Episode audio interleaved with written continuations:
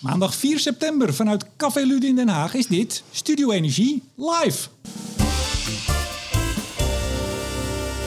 Met bier en bitterballen bespreken we het nieuws van de afgelopen maand met in alfabetische volgorde Marien Boonman, onafhankelijk energieneurt, Maaike Maas, advocaat en partner bij Ploem Advocaten en Notarissen en Jan Vos, bestuursvoorzitter van de Nederlandse Windenergie Associatie NWA.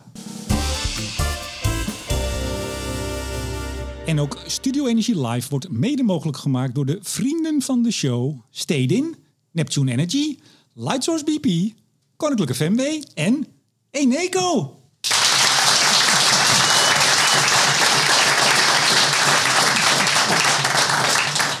Marien, vaste tafelnerd, buitengewoon. Wat ben je ook weer? Ridder in de orde van? De, de orde van grootte. De orde van grootte. Prachtige titel. Ehm, ook trots lid van een, eh, ja, ik mag, ik mag toch zeggen, ik moet zeggen, een hele kleine splinterpartij. Verkiezingen komen aan. Ben je aan het flyeren? Uh, ik heb zadelhoesjes besteld. Het leek mij wel, wel handig om, uh, omdat mijn fietszadel kapot is, om de lokale campagneleider in te fluisteren dat dat eigenlijk het campagnemiddel is wat we nodig hebben. Ja, de, de landelijke campagneleider, althans het boegbeeld, dat is iemand die, eh, die kennen de luisteraars. Dat is ene Henry Bontebal. Hoe is het voor hem om zo'n heel klein mini-partijtje nou te gaan leiden? ja, dat, dat, zou je, dat zou je uiteindelijk aan hem moeten vragen. Maar het, het klinkt als een drukke baan. Ja, dit is al een heel politiek antwoord. Ja. Jij had misschien toch ook wel heel, heel voorzichtig wat aspiraties, of niet? Wou je op de lijst komen? Uh, ja en nee. Uiteindelijk, er zijn wel meer mensen dan, dan goed voor mis uh, die aan me vroegen: Goh, wanneer kan ik op je stemmen? En uiteindelijk moet je bereid zijn om in het parlement te gaan zitten als je op zo'n lijst gaat staan. En dat ben ik op dit moment gewoon om allerlei redenen niet. Waren er twee? Zitten die achter me of niet? Uh, ja, tenminste eentje wel. Ik denk dat mijn, mijn campagneleider zit eigenlijk achter je, zo moet zien. Ja, maar nog, nog even niet. Hè? Jij, jij, moet nog even rijpen, denk ik. Hè? Ja, eerst maar eens echt werken en dan uh, kijken we daar wel verder. Goed zo. CDA-programma is vandaag uh, naar buiten gekomen. Zaten er nog verrassingen voor je in? Uh, ik heb Ctrl-F gedaan op salderen. En dat gaf nul resultaten. En toen... Betekent dat ze hem niet gaan ja. afschaffen dus? Ja, ik, nou ja, het is geen kardinaal punt blijkbaar. Je begrijpt dat ik niet in de programmacommissie zat. Uh, er staan een aantal goede dingen, maar ik heb het in alle eerlijkheid ook nog niet, uh, nog niet helemaal gelezen. Ander nieuwtje, Eneco gaat als eerste van de grote energiebedrijven, althans dat was het nieuws vandaag, uh, in Nederland dynamische contracten aanbieden. Wat vind je ervan? Ja, logisch. Kijk, binnenkort wordt het toch verplicht. Tenminste, als we in 2028 een energiewet hebben. Uh, maar ja, het is een logische stap, want de consument vraagt er blijkbaar om. En uh, de grote partijen die, uh, nou, die hebben wat meer tijd nodig om te wennen aan, aan innovatie blijkbaar. dus die maken die, die stap nu en dat is vrij logisch. Essent zat er via Van de Bron al in natuurlijk. Dus. Ja, ik, ik kreeg om half elf vanochtend, maandagochtend, een persbericht van Budget Energie. die doen het ook. Dus dat was wel lullig voor budget. Want Eneco die ging, die ging met de aandacht strijken. Ja, hun probleem. Ik probeer een bruggetje te maken naar Maaike Maas. Want uh, Budget was founding sponsor van Studio Energie, Maaike. Ja. En uh, ploemadvocaat en notaris ook. Ik ga toch even, ik ga even proberen. Want menigmaal heeft in, deze, in dit café, heeft als jullie naam klonk, was er een ovationeel applaus. Ik ga even kijken of dat nog werkt. Ploemadvocaten en notarissen.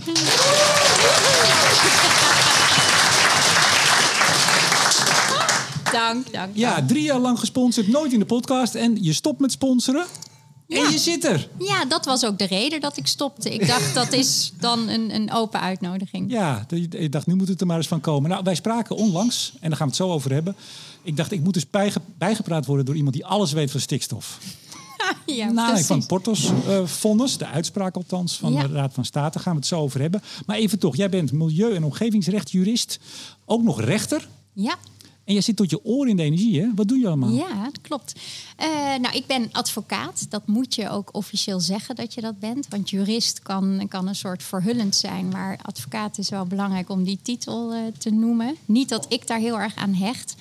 Ehm, maar als advocaat sta ik heel veel partijen bij ehm, die midden in de transitie zitten. Dus die eh, de overscha- overschakeling aan het maken zijn. Of hele nieuwkomers die in één keer al ehm, uitgetransigeerd zijn.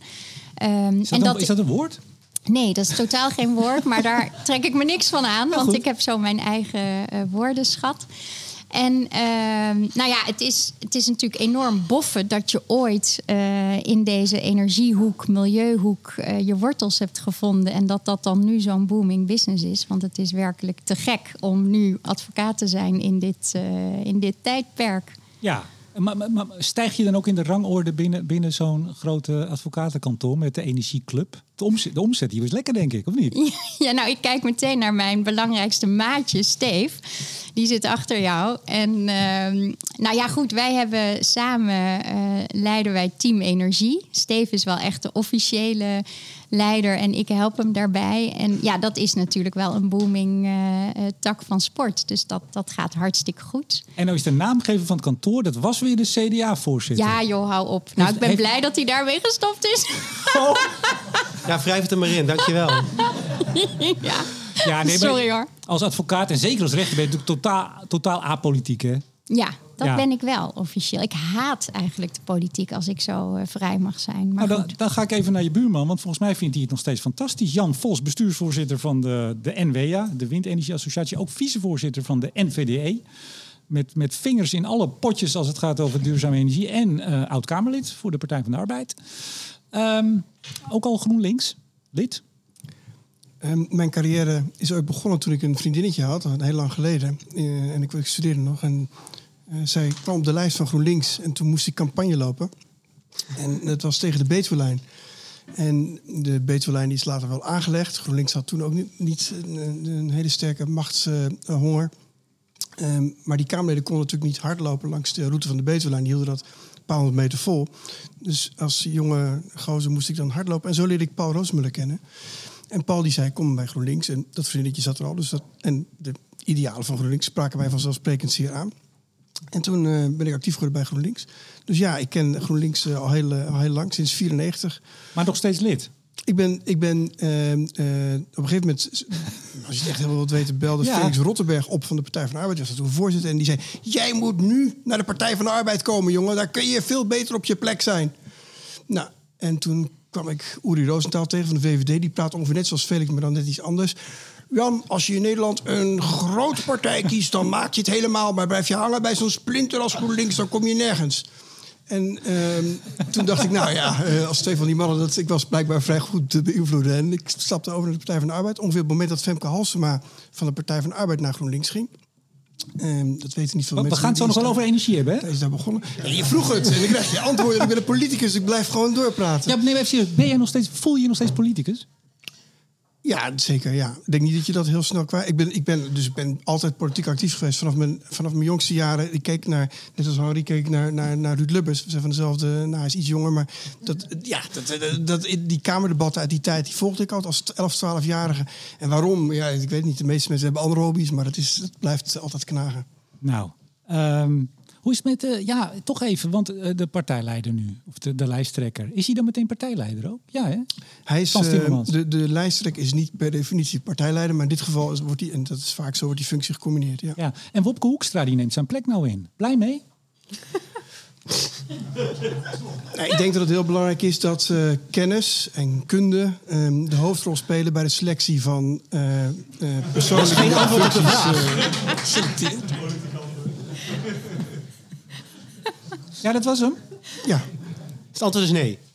Nou, het is een godspe. Het is natuurlijk een, een flauwe... Zelfs? Ja, natuurlijk. Het is weer heel... Kijk, in, in, eh, eh, als je de politiek al lang volgt... dan kun je een tijd herinneren waarin politici gekozen werden... en ministers werden gekozen en eurocommissarissen ook...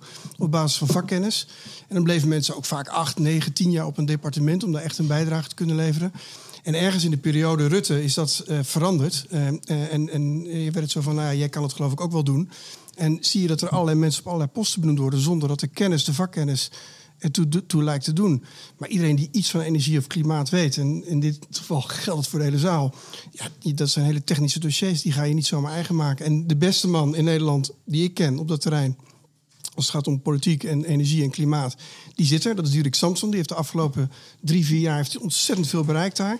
Ja, die hadden ze zo door kunnen zetten. En waarom gebeurt dat niet? Ja, omdat ze dat de Partij van de Arbeid natuurlijk dan niet gunnen, omdat het campagnetijd is. En dat is de kleinzerigheid eh, waar denk ik heel veel mensen in Nederland een hekel aan hebben gekregen. Ik heb daarom heb ik niks met politiek. Nee, dat is helder. Maar ik heb begrepen, eh, stond de NRC zaterdag toch een, een, nou, een, een column van Caroline Gruiter met toch enige inzicht. eh, dat het kabinet heeft Kaag en Hoekstra voorgesteld. En von der Leyen heeft zelf gekozen voor Hoekstra. Ja, als je Mark Rutte bent die denkt, hoe ga ik dit oplossen? Dan zeg je, nou weet je wat, ik stel er twee voor. Eentje is een christendemocraat. En dan gaat die christendemocraat, die kiest dan die christendemocraat. En dan ben ik in ieder geval van mijn grootste concurrent ben ik weer af als het gaat over kernenergie.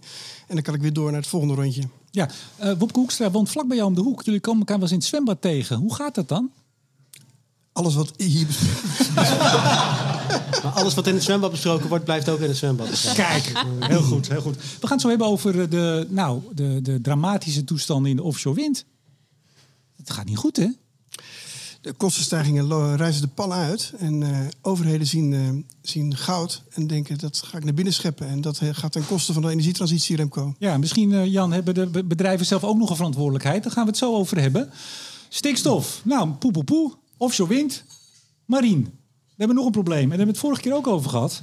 In deze setting. En daar kunnen we het de komende jaren, nou, iedere week wel over hebben. Namelijk het elektriciteitsnet. Ik dat, raak er niet over uitgepraat. dat zit nogal vol. En vorige week kwam er een position, of eh, eh, afgelopen maand moet ik zeggen, kwam er een position paper uit van Netbeheer Nederland. Daar zitten de leden hier natuurlijk weer di- dicht op de tafel. Eh, wat, is, wat is het voor een position paper? Eh, ja, dus ze hebben er twee uitgebracht voor de goede orde. Eentje over de alternatieve transportrechten. Nou, gezegend, niet gelezen. En eentje over Wat de... Niet gelezen? Niet gelezen, nee. Dat, Oké. eh, die, eh, ik, eh, ik moet meer te doen. En eentje over de gemeenschappelijke transportovereenkomst. Wel gelezen en ook van echt een week van in, met mijn nagels in het plafond gehangen. Eh, omdat daar allemaal dingen in staan waarvan ik denk, ja, nu ga je weer wat verzinnen. Wat, nou ja, we- weer iets verzinnen, een product verzinnen wat niemand wil. En dan zeiken dat niemand je product afneemt. Zo, Marien.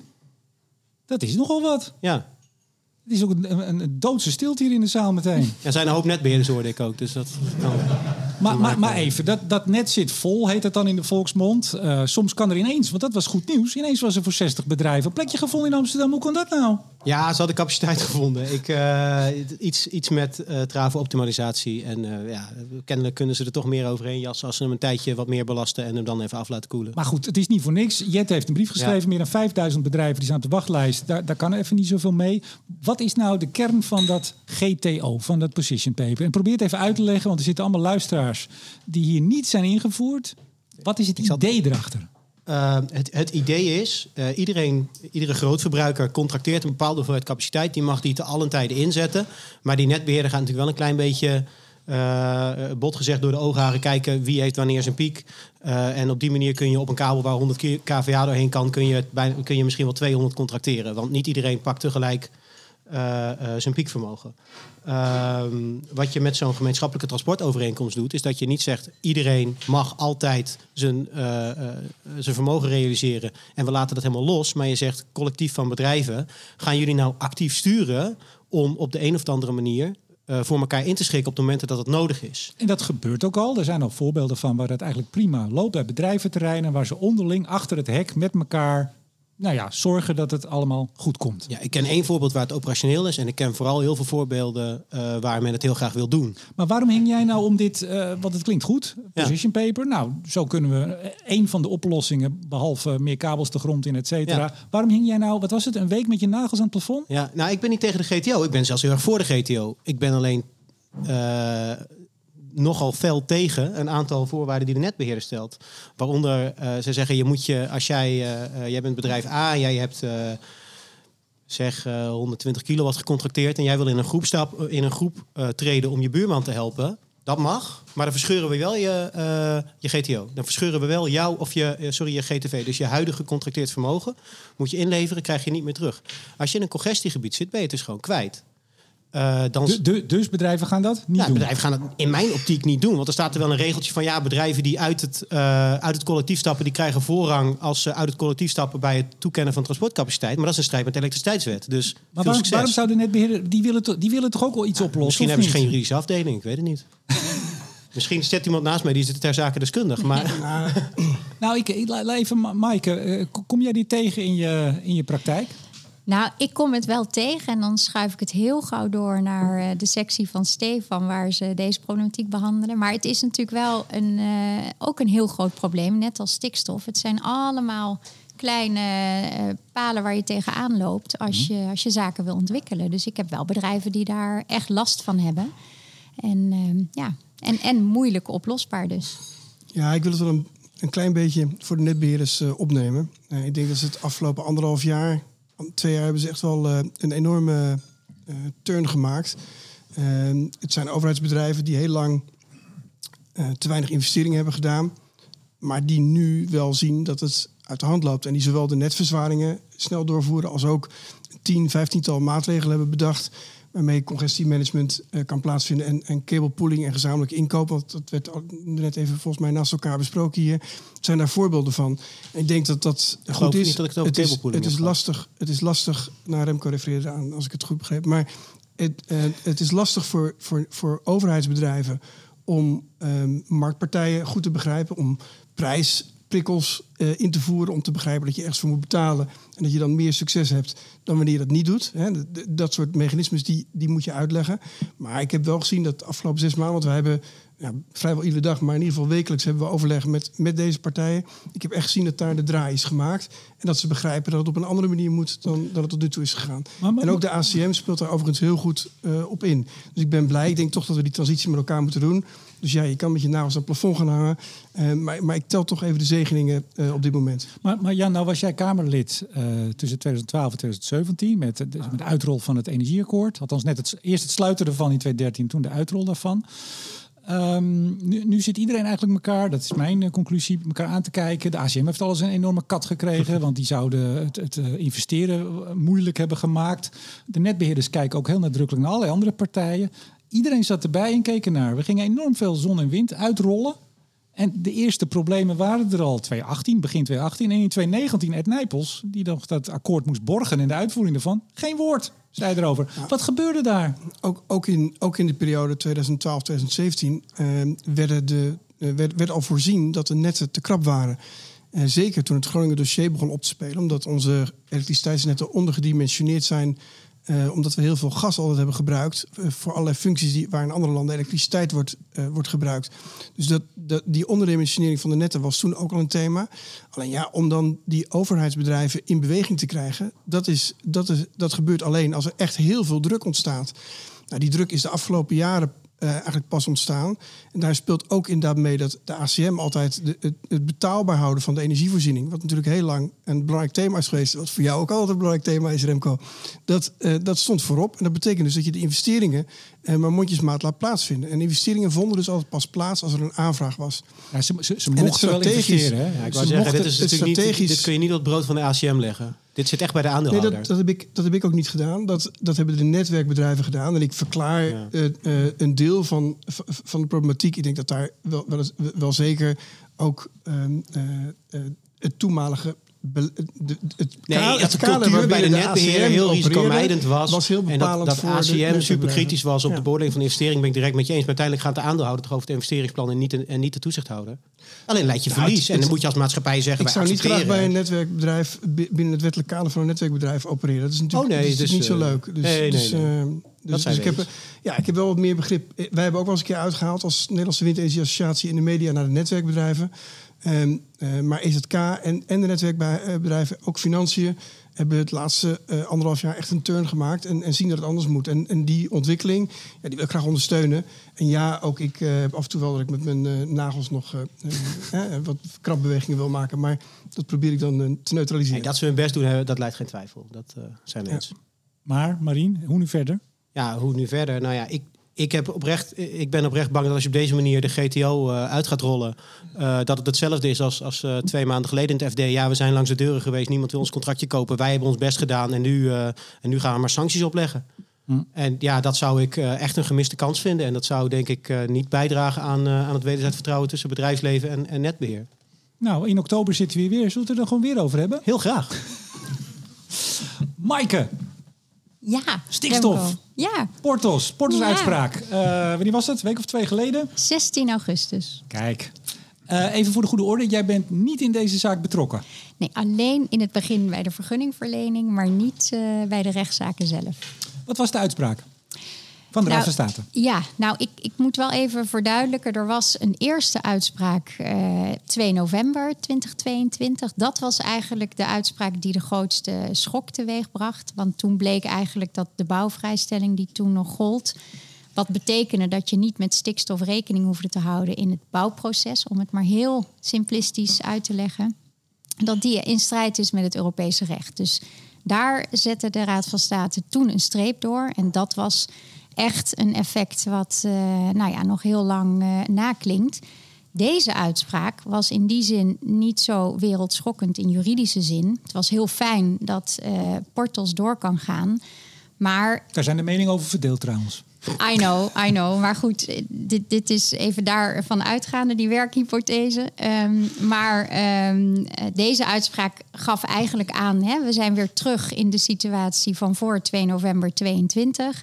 Wat betekent dat je voor ieder project weer voor de bouw- en aanlegfase, de sloopfase en de gebruiksfase een ecologische beoordeling moet maken. Of jouw project niet de natuurwaarde te zeer aantast. Ja, dus het gaat echt om die handelingen, het bouwen. En dat is ja. een korte fase. Het gaat niet over als het project eenmaal draait. Nee, want dan was er geen significante impact. Maar natuurlijk wel bouwmaterieel, dat rijdt daar rond. Ook wel twee jaar. Kijk, MOB heeft natuurlijk eindeloze stukken ingediend... waarin ze hebben aangevoerd van, nou ja, goed, tijdelijk, tijdelijk. Dat is maar hoe je het ziet. Het is wel een bouwproces van twee jaar waar uh, al die, die infrastructuur, het compressorstation, dat moet allemaal aangelegd worden. Dus dat heeft natuurlijk stikstofdepositie tot gevolg. Even een tussenvraag. Hoe kijken jullie als uh, keurig advocaten en notariskantoor naar, naar uh, Johan Vollebroek en MOB?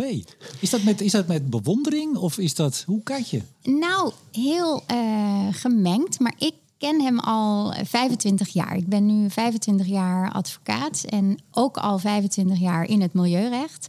En hij heeft een hele, ja, zeg ik maar even op persoonlijke titel, mooie ontwikkeling doorgemaakt. Want hij, is, hij is begonnen met uh, de industrie om ze aan de tand te voelen dat ze eigenlijk niet de best beschikbare technieken toepasten. En heel veel stoffen, toen was het nog uh, SO2 uitstoten.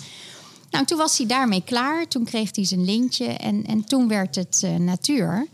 Dus ik kom hem heel veel tegen. En hij heeft ook heel veel goeds gedaan, zeg ik dan even, als het gaat om, um, om, om iedereen scherp houden. Hij is toch Alleen... gewoon waanzinnig succesvol?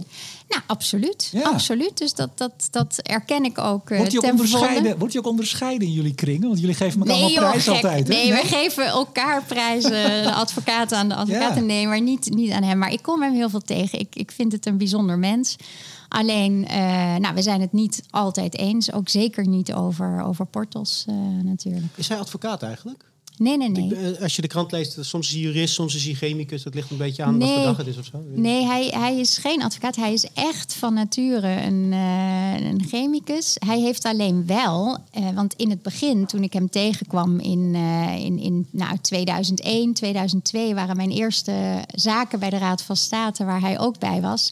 Toen deed hij alles alleen, maar hij heeft nu wel uh, juridische bijstand. Ja, een dus... beetje Pieter Lakenman, uh, maar dan voor milieu. Exact. Nou, ik geloof exact. dat er zes, zeven juristen, dacht ik, ja, ja, ja, nee, uh, hij, draaien. heeft, hij heeft een enorme operatie inmiddels. Ja. ja. Jan Vos, um, jouw leden hebben hier ook mee te maken met stikstof. Ik hoor altijd dat er nou honderden, duizenden, ik weet het niet, heel veel projecten ja, in een soort wachtstand staan om aangelegd te kunnen worden. Wordt, uh, wordt uh, Vollebroek ook op de burelen van de NWA uh, bewierookt? Um, nou, hij, hij komt niet, niet in die zin komt hij niet, komt hij niet langs. Nee, nee. Um, binnenkort wel uh, Marjan Minnesma van Urgenda. Dat is ook een fantastische Nederlandse uh, persoon als het gaat om het juridisch aanvechten van uh, het beleid van de Nederlandse overheid. En de standpunten ten aanzien van de duurzame energietransitie uh, lijnen daar ook niet altijd op met die van Sorry, ons. Jan, Marien zit zijn hoofd te schudden. Wat zei je nou? Wie nou, op land hebben we gezien dat, uh, dat Urgenda nu eigenlijk zegt van ja, dat is allemaal niet meer nodig. En uh, ik denk dat ja, de, wij wel op het standpunt staan dat eigenlijk alles nodig is op dit moment om die transitie goed te kunnen volbrengen. volbrengen. Dus ook CCS. Uh, dat, dat gaat dan niet over de, de windenergie, maar, maar, alles wat je kunt doen om, om dat zo snel mogelijk voor elkaar te krijgen, dat moet je doen. Mm -hmm. Dus ook wind op land. En wind op land heeft last van stikstof. Uh, eh, eh, ja, van de stikstofuitspraken. heeft ook veel last van het feit dat er op dit moment geen goede normen zijn. Dat is een andere kwestie die speelt. Dat moet, INM moet daar een ei over leggen. Wachten we op, zet- zetten we veel druk op. Op zee gaat het wel beter. Daar heb je 25 af, kilometer afstand van een Natura 2000 gebied nodig. En dan kun je gewoon eigenlijk doen wat je, wat je wilt. Dus dat gaat wel goed. Maar als je dan die elektriciteit weer naar land wil transporteren... moet Tennet toch ook weer eh, die aanlanding verzorgen. En, en het, eh, ook het transport met, met de andere netwerkbedrijven... eh, moet dan wel adequaat kunnen worden, worden geregeld. Ja. Eh Maaike, wat, we, we krijgen verkiezingen. Er zijn partijen, s- sterker nog de grootste partij op dit moment, althans bij de laatste verkiezingen, is een partij, BBB, die eigenlijk zegt, of zij, of in ieder geval de implicatie deed, stem op ons, want wij gaan wel eens even Ja. eh, wat met die stikstof. Oh, je schudt Nou, daar ga ja? ik van met mijn nagels in de gordijnen. Ja. waarom? Ja. Nou ja, wat ik daar heel lastig aan vind, en dat is ook een van de redenen waarom ik gewoon niet zo van politiek houd. Zij is eh, op een gegeven moment naar eh, Timmermans gegaan en toen heeft ze daar de vraag gesteld. Klopt het nou dat Europa dicteert dat de boeren hier moeten worden uitgekocht of moeten stoppen? Ja, dat antwoord kon je natuurlijk al raden. Nee, natuurlijk niet, want Europa die laat dat vrij. Wat je in ieder lidstaat doet om die natuurgebieden te beschermen. Dus dat was een hele valse vraag, want daarmee kwam ze terug naar Nederland. Nou, zie je nou wel wat hier de Nederlandse overheid allemaal voorstelt? Dat zegt Europa helemaal niet. Nou, nou toch even, ja. Maar er is een politieke partij waarvan de partijleider afgelopen weekend, Rob Jetten, zei... Eigenlijk zei hij, we moeten wat minder polariseren. We moeten, we moeten het allemaal eigenlijk een beetje... Hij heeft een beetje naar Bontebal geluisterd. Ja. Beetje meer het midden, beetje netjes. Maar zijnzelfde partij heeft natuurlijk ontzettend gepolariseerd. En dat het een boeren versus woningen of boeren versus energieproject is geworden. Niet alleen D66, maar ook een partij die dat wel zo op scherp hebben gesteld. Het is niet zo gek dat zij als nieuwe partij daarin meegegaan is in dat frame, of niet? Nou ja, of het nou gek is of niet, ik, ik vind het gewoon niet goed om, om de burger en de boeren zo weer eigenlijk meer olie op het vuur te gooien. Ik bedoel, je helpt de boeren ook niet door dit soort uitlatingen te doen. Want, want eh, Brussel kan niet zoveel doen. Wie, wie kan er nog iets doen aan stikstof? Ik weet niet eens hoe ik de vraag moet formuleren, Maaike. nee. Ik zit er helemaal mee in mijn maag. Nou ja, kijk, het was natuurlijk een maand van pieken en dalen. Hè. Er was heel veel blijdschap dat Portals door kon gaan. Maar toen kwam op 31 augustus het rapport van eh, Wageningen Environmental Research. Nou, daar blijkt dat het eh, met heel veel habitattypen helemaal niet zo goed gaat. Dat die kritische depositiewaarde eigenlijk ehm, eh, sneller wordt overschreden dan we dachten. Nou, dat, Het neerslaan van stikstof in kwetsbare gebieden. Daar ja, en dan heb om. je een bepaalde drempel. Als je over die drempel heen gaat, ja, dan is de kans heel groot dat het gewoon niet goed gaat met. Maar is er überhaupt iets te doen? Jazeker, er is hartstikke veel te doen. Alleen ook hier geldt, we hebben te lang niks gedaan. Hè? Dus dan moet je van heel ver komen. Dus wat je elke keer doet, en dat eh, waardeer ik op zich wel. De overheid heeft natuurlijk met de PAS, hè, de programmatische aanpak stikstof, met de bouwvrijstelling, daar zijn elke keer. eh, is er wetgeving verzonnen om, om toch weer even de projecten vlot te trekken?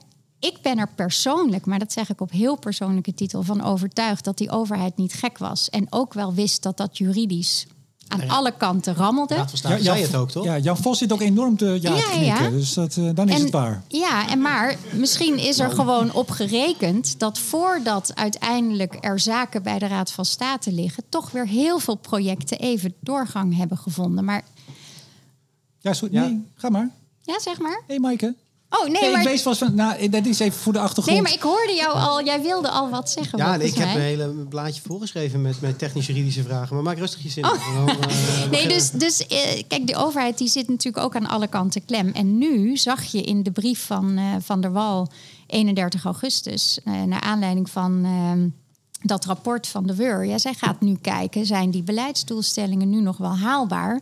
Nu het met 32, maar liefst habitattypen, veel slechter gaat dan we dachten. Ja. En zij heeft, want jij vroeg mij ook een keer, hebben we nou hier ook een bepaalde streefdoelen en getallen? Nou ja, in de wet natuurbescherming liggen natuurlijk wel resultaatsverplichtingen. Zij moet eh, in, eh, ik heb het wel even opgeschreven, want ik wist het niet helemaal uit mijn Kijk, hoofd. kijk gerustig even op je blaadje. In 2025 moet 40% van het areaal uit de Natura 2000 gebieden moet, eh, gezonder zijn en niet meer overbelast. Nou ja, de prognose was 39%.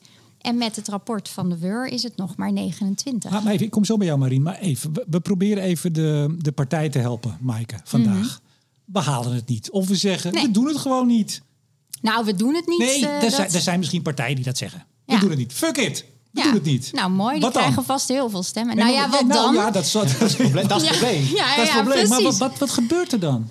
Nou, kijk, als Nederland echt eh, niks meer zou doen of echt... eh, Te die- weinig, te weinig. Nou ja, dan kan er een inbreukprocedure komen vanuit Europa. Wat dan, is dat? Dan gaat Europa ingrijpen en die, dan krijg je eigenlijk een soort juridische procedure tegen de eigen lidstaat. Maar, Die, maar, maar dan- ik wil hem even echt helemaal doorlopen. En wat gebeurt er dan? Nou ja, dan, dan eh, kan er dus het gevolg zijn dat je van Europa nog een extra straf krijgt om het toch te halen. Dat is dus het, het hele probleem. Je hebt jezelf al enorm in de nesten gewerkt. Ja, maar wat is een straf? Moet je geld betalen? Moet je met de billen bloot? Wat is het? Nou ja, je moet zorgen dat het gerealiseerd wordt. Of je kan dus niet nieuwe projecten. Dat is de grootste zwaard van Damocles wat er boven haalt. Je mag in ieder geval niet de belasting verder stimuleren dat met technisch- toestemmingen. Hoe wordt daar technisch ingegrepen dan? Want je zegt, je moet het halen. Ja, maar dat het dan niet doen, dan kun je nog een, een boete opleggen. Of gaat het, gaat het, eh, het Hof van Justitie van de Europese Unie dan op een gegeven moment daar, daar iets van vinden? Of, Nou, je, kijk, uiteindelijk wat, wat Nederland als lidstaat moet doen, net overigens als alle lidstaten in Europa, die moeten gewoon goed voor die Natura 2000 gebieden zorgen. Dus dat betekent dat ze die instandhoudingsdoelstellingen, die moeten ze eh, halen. Nou, op dit moment lukt dat van geen kant. Nou, als dat niet gaat, dan betekent dat ook dat je je moet houden aan je verplichtingen. En dat betekent dat je geen toestemming meer mag geven voor welke mol extra belasting van die gebieden dan ook. maar veronderstel dat dat dan dus toch gebeurt. Gaat dan het, wie gaat dan, want de Raad van State... eh, Stel even dat we het met z'n allen eens zijn... en Caroline van der Plas is president van de Raad van State eh, en, en premier. Hè, dus die kan het... het dat zijn kan geen natuurlijk nooit, eh. hè, maar oké, dan... eh, Ja. is, eh, Mona is- is premier. Ja, precies. En dan is de koning gewoon nog steeds president van de Raad van State. Eh, maar en, en, en ze blijven toch die... Ja, weet je, inwisselbare termen. Eh, ze blij, en, maar ze blijven die vergunningen gewoon afgeven en goedkeuren. Wie, wie gaat daar dan technisch ingrijpen? Of komt er dan, komt er dan een stel ambtenaren van, vanuit Brussel die hier wetgeving gaan schrijven? Nou, ik vind- Even, even, even Jan eh, Vos. eh, ja. je, mag, je mag hopen dat toch kijk, dat het zover niet komt. Kijk, wij, zijn Nee, wij zijn een van de oprichters van de Europese Unie. We hebben de rechtsstaat hoog in het vaandel Nee, eh. staan. Eh, en de bedoeling is dat je met elkaar afspraken maakt en die dan, dat die afspraken ook worden nagekomen. En dat geldt zowel voor de overheid als voor eh, rechtspersonen. ik ben de laatste En- die en- daar iets die dat En, niet zou nou ja, vinden. maar je betoogt nu toch wel een beetje het omgekeerde. En ik hoop ook dat Nee. de partijen die dadelijk aan de macht komen... Ik stel een of dat hypothetische het- vraag. Of dat het, of dat het nu, of dat het nu eh Caroline van der Plas is of iemand anders... eh, dat die ook in, ja, zullen opereren eh, binnen die lange traditie die we in Nederland kennen... van een rechtsstaat, even een Nee, dat zijn, dat, zijn, eenheidsstaat. dat zijn we die absoluut binnen de, kaders van de Europese Unie opereert. Dus we willen niet wachten tot de Europese Unie hier binnenvalt... met allerlei maatregelen om ons straf te geven. Dat is nee, niet de dat, bedoeling. dat zijn wij eens. Alleen ik vroeg van hoe, gewoon, hoe ziet dat daar? Hoe ziet dat een beetje uit je- aan dat je Polen bent hoe of Hongarije. ja, hè, nou tegen ja, die tijd. maar hoe, ziet dat, hoe zou dat er hier dan uitzien? Ja, Zo- zo nou, ziet dat, is, uit. dat is nog best complex. Maar ik denk ook weer even aan de vraag van Remco. Remco, die, jij stelde mij niet eh, in het kader van deze podcast, maar al eerder een keer de vraag: joh. We moeten gewoon af van al die Natura 2000 gebieden. We schrappen ze gewoon. Dan hebben we ze niet meer. opmerking. eh, I know, I know. Nee, nee, Ben jij lid geworden van een ik. partij? Dat Nee, maar mag ik. even, mag ik even ingrijpen? Maar even, eh, even Jan Vos, ik kom zo terug. Met het energieakkoord eh, 2013, de, veer- de heilige 14% die wij moesten halen in 2020, die we ook gehaald hebben door met de Denen wat geld te schuiven, et cetera. Ik heb daar op een gegeven moment ben ik diezelfde vragen gaan stellen. Nou, Maar wat nou als we het niet halen? Want dat was, nou ja, Henk Kamp, je stond vaak tegenover hem. Ja, eh, als ik de biomassa niet kan, dan mis ik 1,2 procentpunt. En hè, het was echt het heilige doel. Jarenlang waren we daarmee bezig. Dan is op zich de vraag wel terecht, denk ik. Van ja, maar wat gebeurt er nou letterlijk als dat niet zo is? Precies wat Marien doet. En het zijn inderdaad hypothetische vragen. Ja, dat varieert per onderwerp. Dus in het geval van de, de, het percentage duurzame energie wat we op moeten wekken in Europees verband, kun je het afkopen door te investeren in duurzame energie in een ander land. Om het even heel kort samen te vatten. ja. Daar hebben Henk Kamp en ik in de tijd veel over gesproken. Ik zeg, nou, ik heb liever dat we dat in Nederland doen, want dan kunnen we werkgelegenheid creëren. En laten we ook vooral iets substantieels doen in plaats van het geld naar Denemarken overmaken. Uiteindelijk hebben we toch een stukje naar Denemarken moeten overmaken, omdat we die doelstelling net niet hebben gehaald. Maar wat wel heel mooi is als je terugkijkt, is dat je dus ziet dat er in 2013 worden de afspraken gemaakt met elkaar, worden de doelen gesteld. En tien jaar later, nu, kun je zien dat die doelen allemaal verwezenlijkt zijn. 6000 eh, eh, megawatt, 6 gigawatt op, op land, 4,5 da- eh, 4,5 gigawatt op zee. Hebben we toen allemaal neergezet. Dat hebben we allemaal met elkaar uitgevoerd. Bedrijfsleven, politiek, eh, eh, departement, NGO's, samen. En dat is hoe het meestal in Nederland, gek genoeg, je zou het niet denken als je de krant leest of televisie kijkt, maar dat is hoe het meestal gaat. Dat we de meest ambitieuze dingen met elkaar kunnen realiseren. weet je hoe dat en daarom is het zo belangrijk dat we dat ook op het gebied van stikstof doen. En er zijn nu een aantal partijen in Nederland die eigenlijk die hele lange traditie die we met elkaar hebben van samenwerken en samen doelen bereiken, waardoor ons land heel erg rijk is geworden en ook een hele mooie traditie kent internationaal, die dat eigenlijk een beetje aan de kant schuiven. En tijdens deze verkiezingen staat dus best wel veel op het spel. Maar mag ik dan opmerken dat het ook jouw eigen partij dat afgelopen jaar heeft gedaan? Want het was juist GroenLinks, nu PvdA GroenLinks, die tot... We hebben hier eh, Suzanne Kreuger gehad nog niet zo lang geleden... op deze plek waar jij precies nu zit. Die blijven zeggen dat eh, Rutte nog nooit een eh, klimaatdoel heeft gehaald. Dus het zijn niet alleen partijen die jij misschien niet zo welgevallig bent... maar ook je eigen partij. Ja, dat polariseren, dat overdrijven. Dat klopt zeggen dat, we- ja, dat ik, klopt ik, wel. ik, was, ik was in de Partij van de Arbeid, maar volgens mij klopt die statement feitelijk klopt, klopt die wel. Nee. ik, Nee, heb klopt Mark niet. Rutte, ik heb Mark Rutte nooit heel erg eh, eh, voor een Het is gewoon klimaatdoel... kolder. Nee, is echt niet waar. Ik, ik heb Jan. Mark Rutte nooit heel erg hard voor een klimaatdoel eh, zien lopen. Ja, maar het is gewoon kolder. Het is gewoon, waar, hoe kun je nou hier gaan zitten? Hoe kun je hier nou zitten en iets wat niet waar is zeggen dat het waar is? Dat kan. Dat, dat is toch. oh, sorry, dat vind ik echt onbegrijpelijk.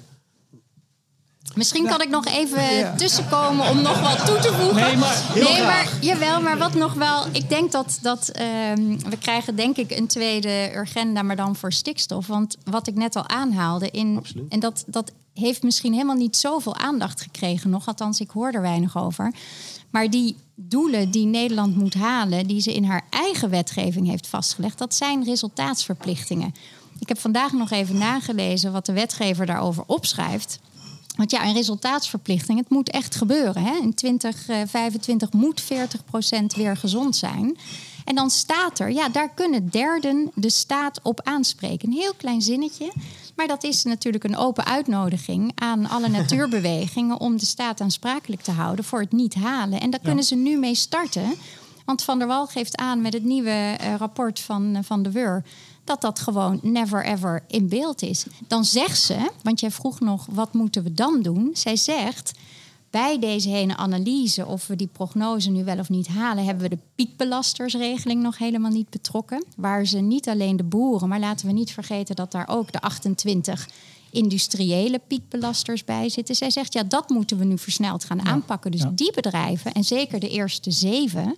Nou, die moeten maar vast bij de telefoon gaan zitten, Ja. want daar gaat ze achteraan. Ik denk dat wij het hier niet gaan oplossen in dit eh, heerlijke café. Maar ik vind wel, ik kom zo bij jou Marien, je steekt je vinger op, heel goed.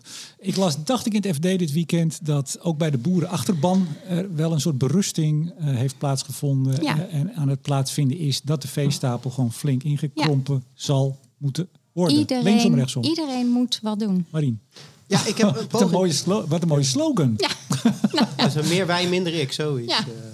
Marien, Nee, ik, en ik, ik, heb, ik had wel een beetje een soort half juridische vraag. Eh, ik heb een rare hobby en dat is uitspraken lezen. we gaan zo wel naar de, de En- wind van Jan hoor. Ja, ja, nee, maar wij gaan samen Ja, eten, ja, hè? dus ja, jij mag ook alles nog daarna. Nou, het enige wat ik, wat ik echt heel graag nu wil vragen. Mag ik even toevoegen voor de luisteraar? Wij gaan altijd met de gasten eh, eh, en zo gaan we nog altijd even eten daarna. Ja. Dus dan, ja, dan- dat snappen ze wel. daarna, ik. dan doe ik de eerste van het lijstje. Ja, en ik dan, dacht ook, eh, de rest komt zo. Maar gaan wat eten. hoor. Maar Jan gaat Ja. niet. Jan, wij gaan met z'n tweetjes zo wat eten, dan weet jij dat ook. Ik weet niet of dat bij voorraad uitvoerbaar is, eh, dat besluit. Maar, Heel eh, graag.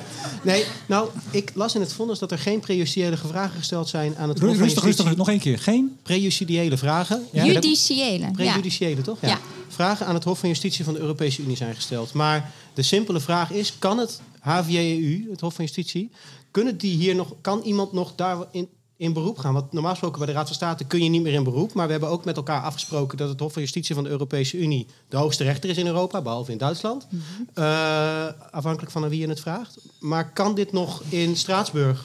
Nou ja, maar dan, dan, terechtkomen. dan heb je meer het mensenrechten schending. Nou ja, daar is natuurlijk ook al vaste rechtspraak over. Dat eh, als je zegt van nou, ik beroep me op een, op een mensenrecht op grond van het EVRM, dan kan je Nee, natuurlijk niet, ook niet door. het eh, Europese Hof voor de Rechten van de Mens, maar het HVJEU. Nee, dat snap ik. Maar dat wordt wat lastiger technisch. Het is makkelijker haast dan, zou ik zeggen, om gewoon te claimen. Want de stikstofproblematiek, we hebben het natuurlijk alleen maar over de, de gebieden en de natuur. Ja. Maar uiteindelijk tast het onze gezondheid ook aan. Ja, precies. Dus ik, nou goed, ik, ik ga niemand iets aanraden. Ik ben er ook totaal niet in gespecialiseerd. Dat heb je nu al gedaan, eh, dus dankjewel. Ik zou, eh, ik zou het dan daar, daar eerder op gooien. Goed, wij gaan door naar wind. Maar nog één ding even toch. want Nou blijft het een beetje hangen voor de luisteraar over die doelen die wel of niet gehaald zijn. Jan, even. Ja, je weet toch ook dat het enige doel wat we van Brussel hadden voor 2020, dat was in het, niet in het ETS. Het ETS, ja, daar gaan we eigenlijk niet over. Dat hebben we ruim gehaald zelfs. Eh, energiebesparingsdoel hebben we gehaald. Eh, jij kent vast Martin Visser wel. Die heeft daar meermaals eh, gewoon een staartje van getwitterd. Dat ze eigenlijk allemaal gehaald zijn. Het is toch wel even goed om dat even nog te Ja, misschien dat ik het, punt niet helemaal goed eh, begrepen heb. Ik dacht dat het om Mark Rutte ging. En ik, ik, eh, hadden het net over de agenda-uitspraak, die haalde Maaike aan.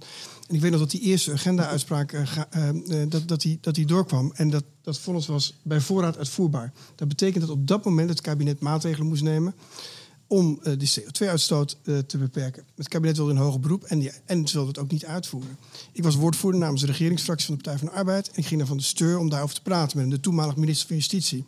En toen heb ik de afspraak met hem gemaakt. We gaan in hoger beroep.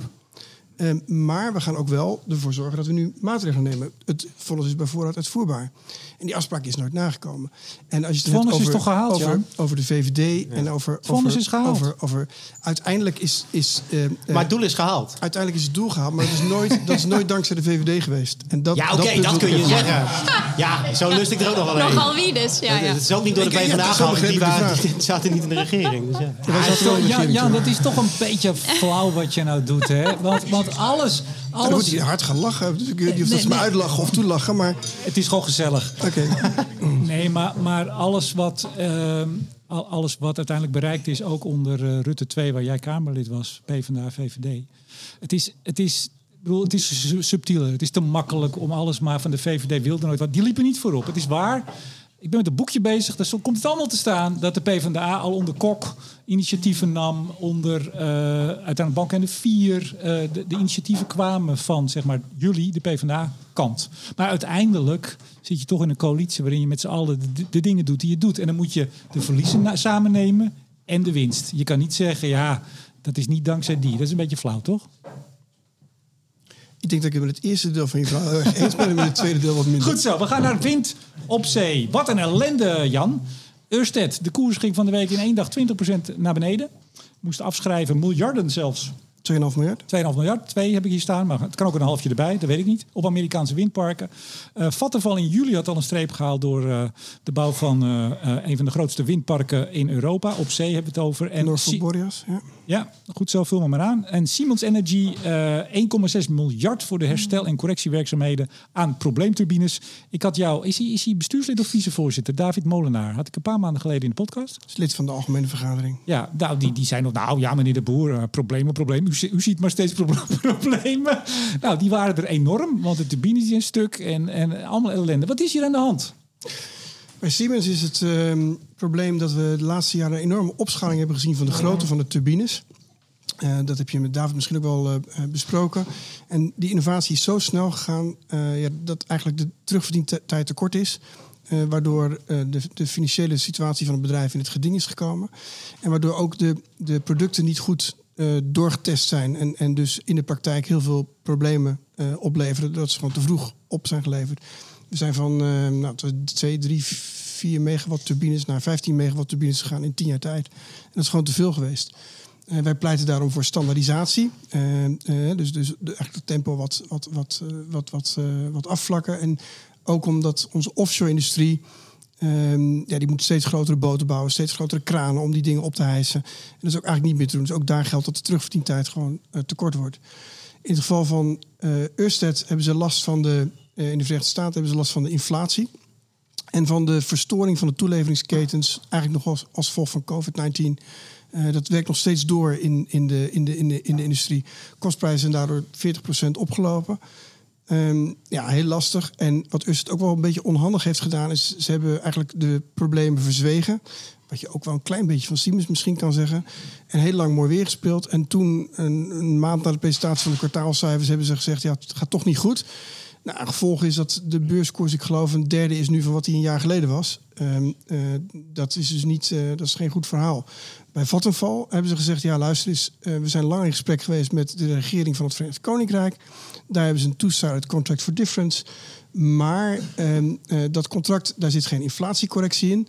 En eh, dat betekent dat ja, onze kosten gewoon, nou, ook daar 20, 30 procent eh, minimaal hoger liggen dan verwacht.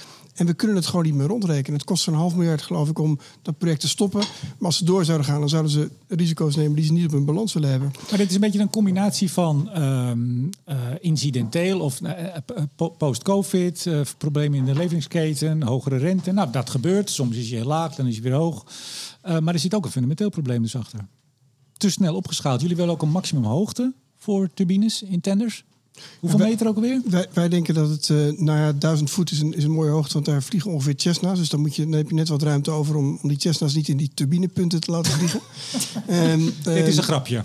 Nou, niet helemaal. Want het is wel, eh, je hebt zowel bij helikopters als bij klein, eh, klein vliegverkeer heb je, heb je eh, dus helikopters bij boordplatformen hebben een straal van 5 kilometer, eh 5 nautical mile, waar, waar, die ze nodig hebben, of die, waar ze recht op hebben op dit moment. En je mag toch niet door een windpark vliegen? Sowieso niet. Nee, dat is, dat is, eh, dat is sowieso zou ik niet aanraden in een helikopter. Ehm, ehm, en bij, bij vliegtuigjes is het inderdaad zo dat ze die duizend voet grens aanhouden.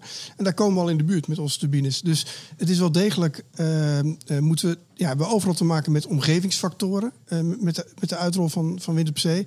Dat gebeurt een beetje buiten, letterlijk buiten het zicht van, van, van veel mensen. Maar het zijn natuurlijk gigantische eh, parken die, die, eh, die heel veel impact hebben op de, op de omgeving.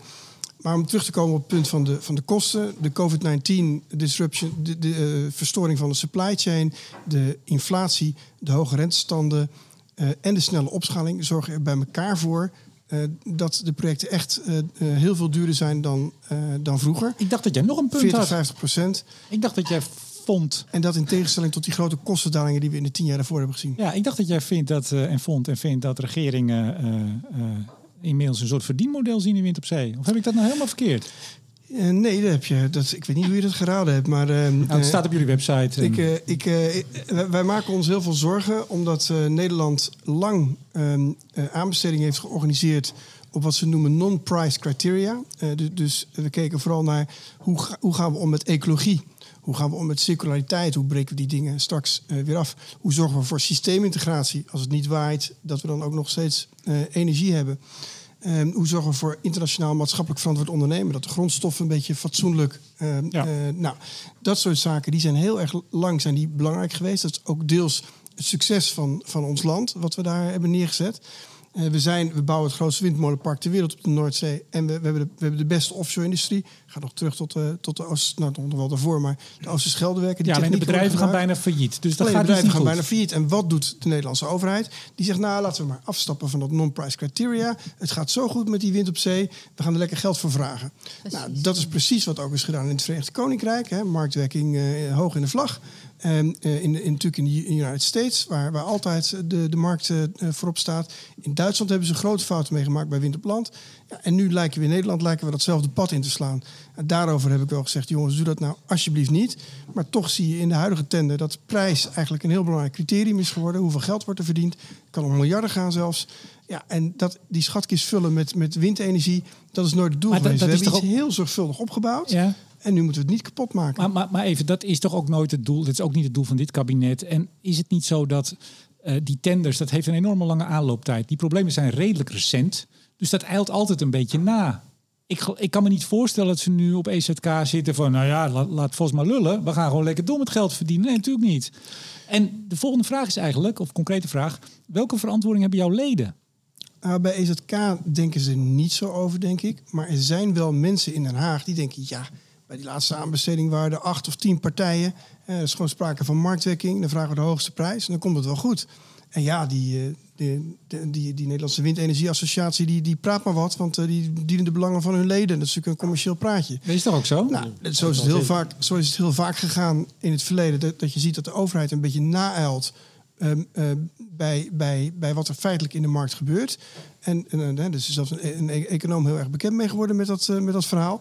En eh, eh, als je dat nu ook weer doet, dan denk, denk ik dat, als, ja, dat het niet goed gaat met maar, die maar, op maar zee. even, eh, ehm, de, de CEO van Siemens Gamesa, dat is de grote, de grote club, een van de grote leveranciers, die Ja. heeft recent gezegd: we verkochten windturbines die onvoldoende waren getest.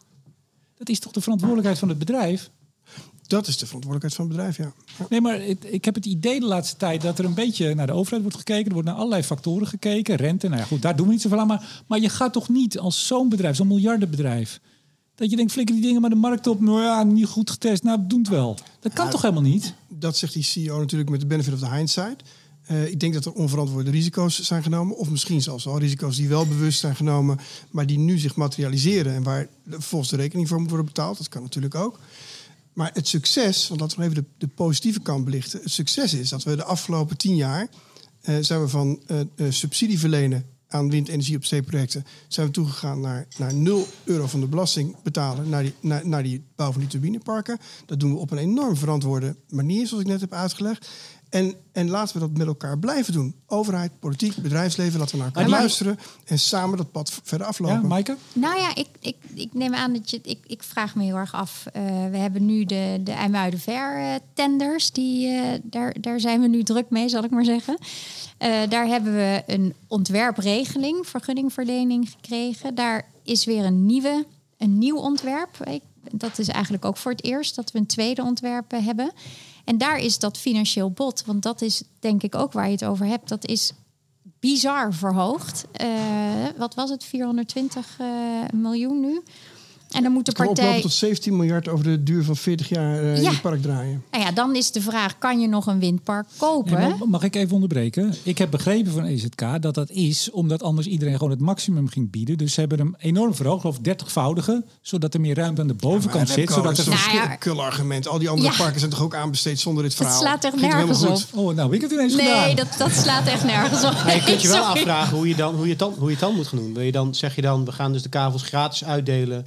Eh, maar alleen op die non-price criteria waar je het net over had, die, die op zichzelf natuurlijk ook waardevol zijn. En dat je dan zegt wat er overblijft is dan, is dan voor de aandeelhouder. Dat is ook prima. Maar van de andere kant, we vinden met z'n allen heel erg dat dat windpark in Engeland niet doorgaat. Maar ja, die investeerder, eh, Vattenfall in dit geval, heeft dus gewoon een te eh, ambitieus sommetje gemaakt, een risico genomen en gaat de bietenbrug op. En dat is heel vervelend, maar dat is natuurlijk een consequentie van een liberale economie.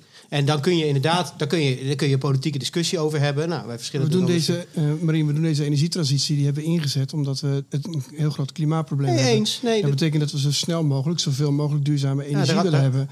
En had ik graag moeten we zo verhaal, efficiënt, maar- dat moeten we zo efficiënt mogelijk realiseren. Ga er maar en dat heeft dus niets te maken met een liberale markteconomie, of in ieder geval heel weinig. Eh, dat heeft te maken met het klimaatprobleem wat we willen oplossen. Nee, maar nee, maar natuurlijk wel, want we proberen die, die liberale markteconomie, daar, daar steken we allemaal prikkels in. En ETS en, de, de, en, en SDE. En dan stoppen we allemaal, allemaal prikkels stoppen we in dat systeem. En dan gaan we er tegenaan douwen. En dan hopen we dat het systeem de kant op hobbelt eh, waar we heen willen hobbelen. En ik ben het direct met je eens als je zegt, ja, het is wel knullig dat doordat we dat zo ingericht hebben dat zo'n park niet doorgaat. Ik vraag me dan alleen wel af, is dan de oplossing, dan halen we die financiële incentives er maar uit. Dan kun je je ook afvragen, ja, moet dan de staat dat niet gewoon zelf risicodragend doen? En hebben we dan die energiebedrijven Ja, moet er gewoon weer subsidie of moet er een vangnet en contract for difference, zoals dat heet. Als, er, als de parken of de eigenaren wat verdienen, dan dragen ze wat af aan de staat. Als het fout gaat en het is een hele lage prijs, dan krijgen ze wat subsidie. Moeten we daar weer naartoe terug? Nee. Ehm, ik, Jawel, ik, denk dat, ik, denk dat, ik denk dat het, ik denk dat het een, een oplossing is die goed kan werken. In de Europese Commissie, eh, de Europese Commissie heeft dit voorgesteld voor heel Europa. Nederland is er minder van gecharmeerd omdat we een hele goede SE++ eh, regeling hebben. Die, die eigenlijk, ja, if it ain't broken, don't fix it. Ehm, dus wij hebben daar niet heel veel behoefte aan. Ik denk dat het belangrijk is dat jij dit onderwerp nu agendeert. Omdat je zegt, ja, in de Verenigde Staten gaat het mis. In de United Kingdom gaat het mis. In Taiwan is het ook misgegaan. Hè? Dus het is niet een enkel bedrijf. Maar je ziet het mondiaal. Ja, laten we oppassen dat we in Nederland wel ehm, eh, het goede pad blijven af, Ja. afhandelen. Maaike? Nou ja, ik, ik denk ook dat een groter probleem is dat het is inderdaad heel snel gegaan. Dus je krijgt ook de situatie dat er veel grote parken, al die parken zijn nu in ontwikkeling, die worden allemaal gebouwd. Maar iedereen heeft te maken ook met capaciteittekorten. Er moeten wel mensen in staat zijn om dat allemaal eh, te doen. En die regelingen komen heel snel achter elkaar. Dus dat is natuurlijk ook, ook een probleem. wat jij zegt is ook waar. Je kan niet helemaal eh, die kavels maar cadeau geven. Hè. De overheid maakt ook heel veel kosten om uh, kavelbesluiten op te stellen, waar heel veel onderzoek aan, uh, aan vooraf gaat. Anders krijg je natuurlijk met staatssteun perikelen te maken. Dus het is een enorm lastig evenwicht om dit. Jan Schut van nee. Nou ja, het gaat om enkele tientallen miljoenen per park. Hè. Dus dat, dat, werd, dat werd in het verleden al betaald. Um, ik denk dat we het overigens in, zijn, we zijn het voor 99% eens, maar dat toch even. En ook uh, staatssteun kan tegenwoordig weer wel. Vanuit de Europese Commissie hebben ze natuurlijk een uitzondering gemaakt, juist voor dit soort projecten. Dus als je dat zou willen, dan kun je dat, dan kun je dat wel doen. Nou ja, er, ik kan daar niet zo. Maar er is op dit moment, maar dat is een casus waar ik dan weer niet over kan praten. Maar er, er spelen wel afwegingen om, om het, die gedreven zijn door staatssteun. Dat je ook niet dubbel mag, mag steunen. Dus het, het blijft wel... Wind op zee is, gewoon een laten, we, laten we dat nog even constateren. Het mooie van Wind op Zee is dat het helemaal zonder staatssteun en zonder subsidie draaide. En dat nu het wordt omgedraaid. Hoeveel kunnen we eraan verdienen? En dat ik, het enige wat ik zeg namens de Nederlandse Windenergie Associatie, let even op. Het gaat mis in de United Kingdom, het gaat mis in de Verenigde Staten, het gaat mis in Taiwan. Nee, maar daar ben ik nou het ook wel. Ja. Maar, maar, maar, Jan, uh, als, we, als er nou geen geld voor gevraagd wordt en het is gewoon, nou, uh, bied maar, dan doen we dat op allerlei niet-financiële eisen en zeggen, nou, dat is het beste bedrijf en dat, die krijgt hem. Gaat het dan wel goed? Ja, dan is de kans veel groter dat het goed gaat. En nogmaals, die, die 30 miljoen of, die, of zelfs 50 of 100 miljoen dat, dat, lijkt me geen enkel probleem, maar 17 miljard is een ander verhaal. En dat is het plafond. dat is niet gevraagd dat ze 17 ja, miljard maar wat je, Wat je ziet is dat nieuwkomers in de markt, die, die stappen erin. Die weten eigenlijk niet goed vaak waar ze aan beginnen. Die willen ook een stukje duurzaam Ja, maar dat is toch de verantwoordelijkheid van je leden? Da, ja, daar draaien jullie en je leden maar eigenlijk wie moet steeds de markt van reguleren, Remco? Dat is de overheid. Nee, het is Zonder een sterke overheid geen sterke markt. Wat Marien zegt, dit, wij, wij, wonen hier, wij wonen hier, wij leven hier in een... wij wonen hier, ja, we wonen ook, ook dat. in een markteconomie. En de bedrijven hebben zelf... Kijk, het, succes van Wind op Zee, dat is, dat is uh, alom bejubeld. En dat is ook door, ook door de kabinetten Rutte gedaan. Maar dat is, ik ben geen Rutte-verdediger, maar even voor de goede orde. Dat, is, dat heeft een hele lange aanloop gehad. Ze werden uh, lage subsidies. Shock. 5, wat was het? 5,45 is 7,27 cent. Het werd steeds lager. Het zou wel eens zonder kunnen. 2018 op een werf in Schiedam. Daar stond uh, minister Wiebes. Het is steenkoud. Ik stond tegenover hem. De eerste subsidie vrij. En het leek of de bomen tot in de hemel groeiden. Ook dan de bedrijven. Je zei het net zelf ook al. Hè? Misschien hebben de bedrijven ook wel het een beetje wat mooier voorgesteld. Een beetje de problemen weggehouden. Dat speelt toch ook. Want we, we focussen nu op. Ja, de overheid wil geld hebben. Maar het volgende kabinet gaat echt niet. Als ze weten dat deze problemen nu spelen. Zeggen ze nou oké, doen we niet meer over het geld. Gaat dan alles goed? Ja, dus. Nou, het gaat. Uh, ik, weet, ik zat erbij in 2012 tijdens de onderhandelingen voor het toenmalige regeerakkoord. Toen we al die windmolens hebben gepland. En toen werd letterlijk gevraagd door de toenmalig beoogde, nou, door een van de toenmalige beoogde ministers: is het nou wel nodig, al die, al die molens van Diederik? Zo, zo werd het, zo werd het, toen, eh, werd het toen besproken. En, en, en, toen, nou, ik heb dat vanuit de, de, hoek van de Kamer heb ik dat, uh, heb ik dat ondersteund. En dat is toen allemaal in het regeerakkoord gekomen. We hebben toen 11 miljard euro uitgetrokken. Omdat we dachten dat we het nodig hadden om de kostprijs uh, uh, op, op dat punt te brengen. Dat het zonder subsidie zou kunnen. Hebben we uiteindelijk nauwelijks nodig gehad, dat, dat geld. Dat hebben we allemaal gedaan in nauwe samenwerking tussen overheid, politiek en bedrijfsleven. En wat ik nu vraag is om die samenwerking door te zetten. En wat ik bespeur en wat ik zie, is dat er gedacht wordt, ach, dat bedrijfsleven, dat, hè, wat hier ook gezegd wordt aan tafel, er is zo'n bedrijf wat zijn vingers brandt, net goed. En het komt toch wel nou, goed. dat zeg ik niet, hè? En dat, een, een sterke markt, een sterke overheid. En die sterke overheid die moet eventjes heel goed zich realiseren wat er nu aan de hand is. Slotronde, Marien, dit komt toch gewoon goed in een nieuw regeerakkoord. Iedereen ziet dat je er geen geld mee moet gaan verdienen. Als we, als we meer wind op zee willen, dan komt dat goed, toch? Ja of nou, nee? Ik, ik vind het betoog wat merkwaardig. Want aan de ene kant hoor ik vanuit, uh, uh, vanuit de sector... het is allemaal geweldig en die parken werden subsidievrij gebouwd. En van de andere kant is het... Uh, ja, maar we kunnen er eigenlijk geen geld... of het, lukt niet om er voldoende geld mee te verdienen... om de kavels te kopen. En we willen een tweezijdige CFD. Dan zou ik zeggen, zet dan in ieder geval een bodem op nul. Dat we geen negatieve prijzen meer gaan subsidiëren... om stroom met geld erachteraan Duitsland in te brengen. want dan worden weer allemaal andere mensen worden weer boos. Dus ik, ik snap het betoog gewoon. En ik, sorry, ik, het is iets langer dan ja of nee. Maar ik snap het betoog niet. Dat aan de ene kant er wordt gezegd vanuit de sector... het is zo mooi dat we het subsidievrij kunnen doen. Het is ook mooi. Het is, ik denk dat de groei... dat, dat, dat onderken ik misschien te weinig. Maar uh, wind op zee is denk ik het succesverhaal tot nog toe... van de Nederlandse uh, energietransitie. Gaan afronden. Maar van de andere kant is het... ja, maar, maar we hebben wel steun nodig... maar we hebben ook geen... dus heeft de windsector wel of geen steun nodig? Nee, als ik het samen kan va- mag vatten, als het niet Ja, kapot is, gaat het dan ook niet repareren. Dus zoals het tot nu toe ging, ging het prima. Maar En eenzijdig, dus en- eenzijdig en. En, en, en, vera- en verander, verander dus dat We gaan hem hier stoppen. Als het, het gaat gewoon goed. Het komt goed. Maaike, slotwoord voor jou. Hard hoofd in. Nou ja, als we maar niet ten onder gaan aan dat succes. Dat is het enige. Vast Maar- niet toch? Nee, nee, nee. Goed zo. Ik bedank mijn gasten. Onafhankelijk energienerd. Marien, ik probeer onder het uur te blijven. Je snapt hem, hè? Ik zet, ik zet even de turbo aan. Het gaat lukken misschien. Ik bedank mijn gasten. Energienerd. Onafhankelijk energienerd zelfs. Marien Boonman, advocaat en partner bij Ploem Advocaat en Notarissen. Maaike Maas en bestuursvoorzitter van de NWA, de Nederlandse Windenergie Associatie. Jan Vos.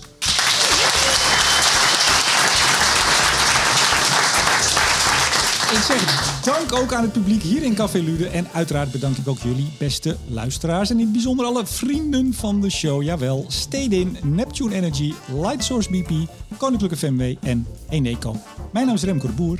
Graag tot de volgende keer bij Studio Energie live.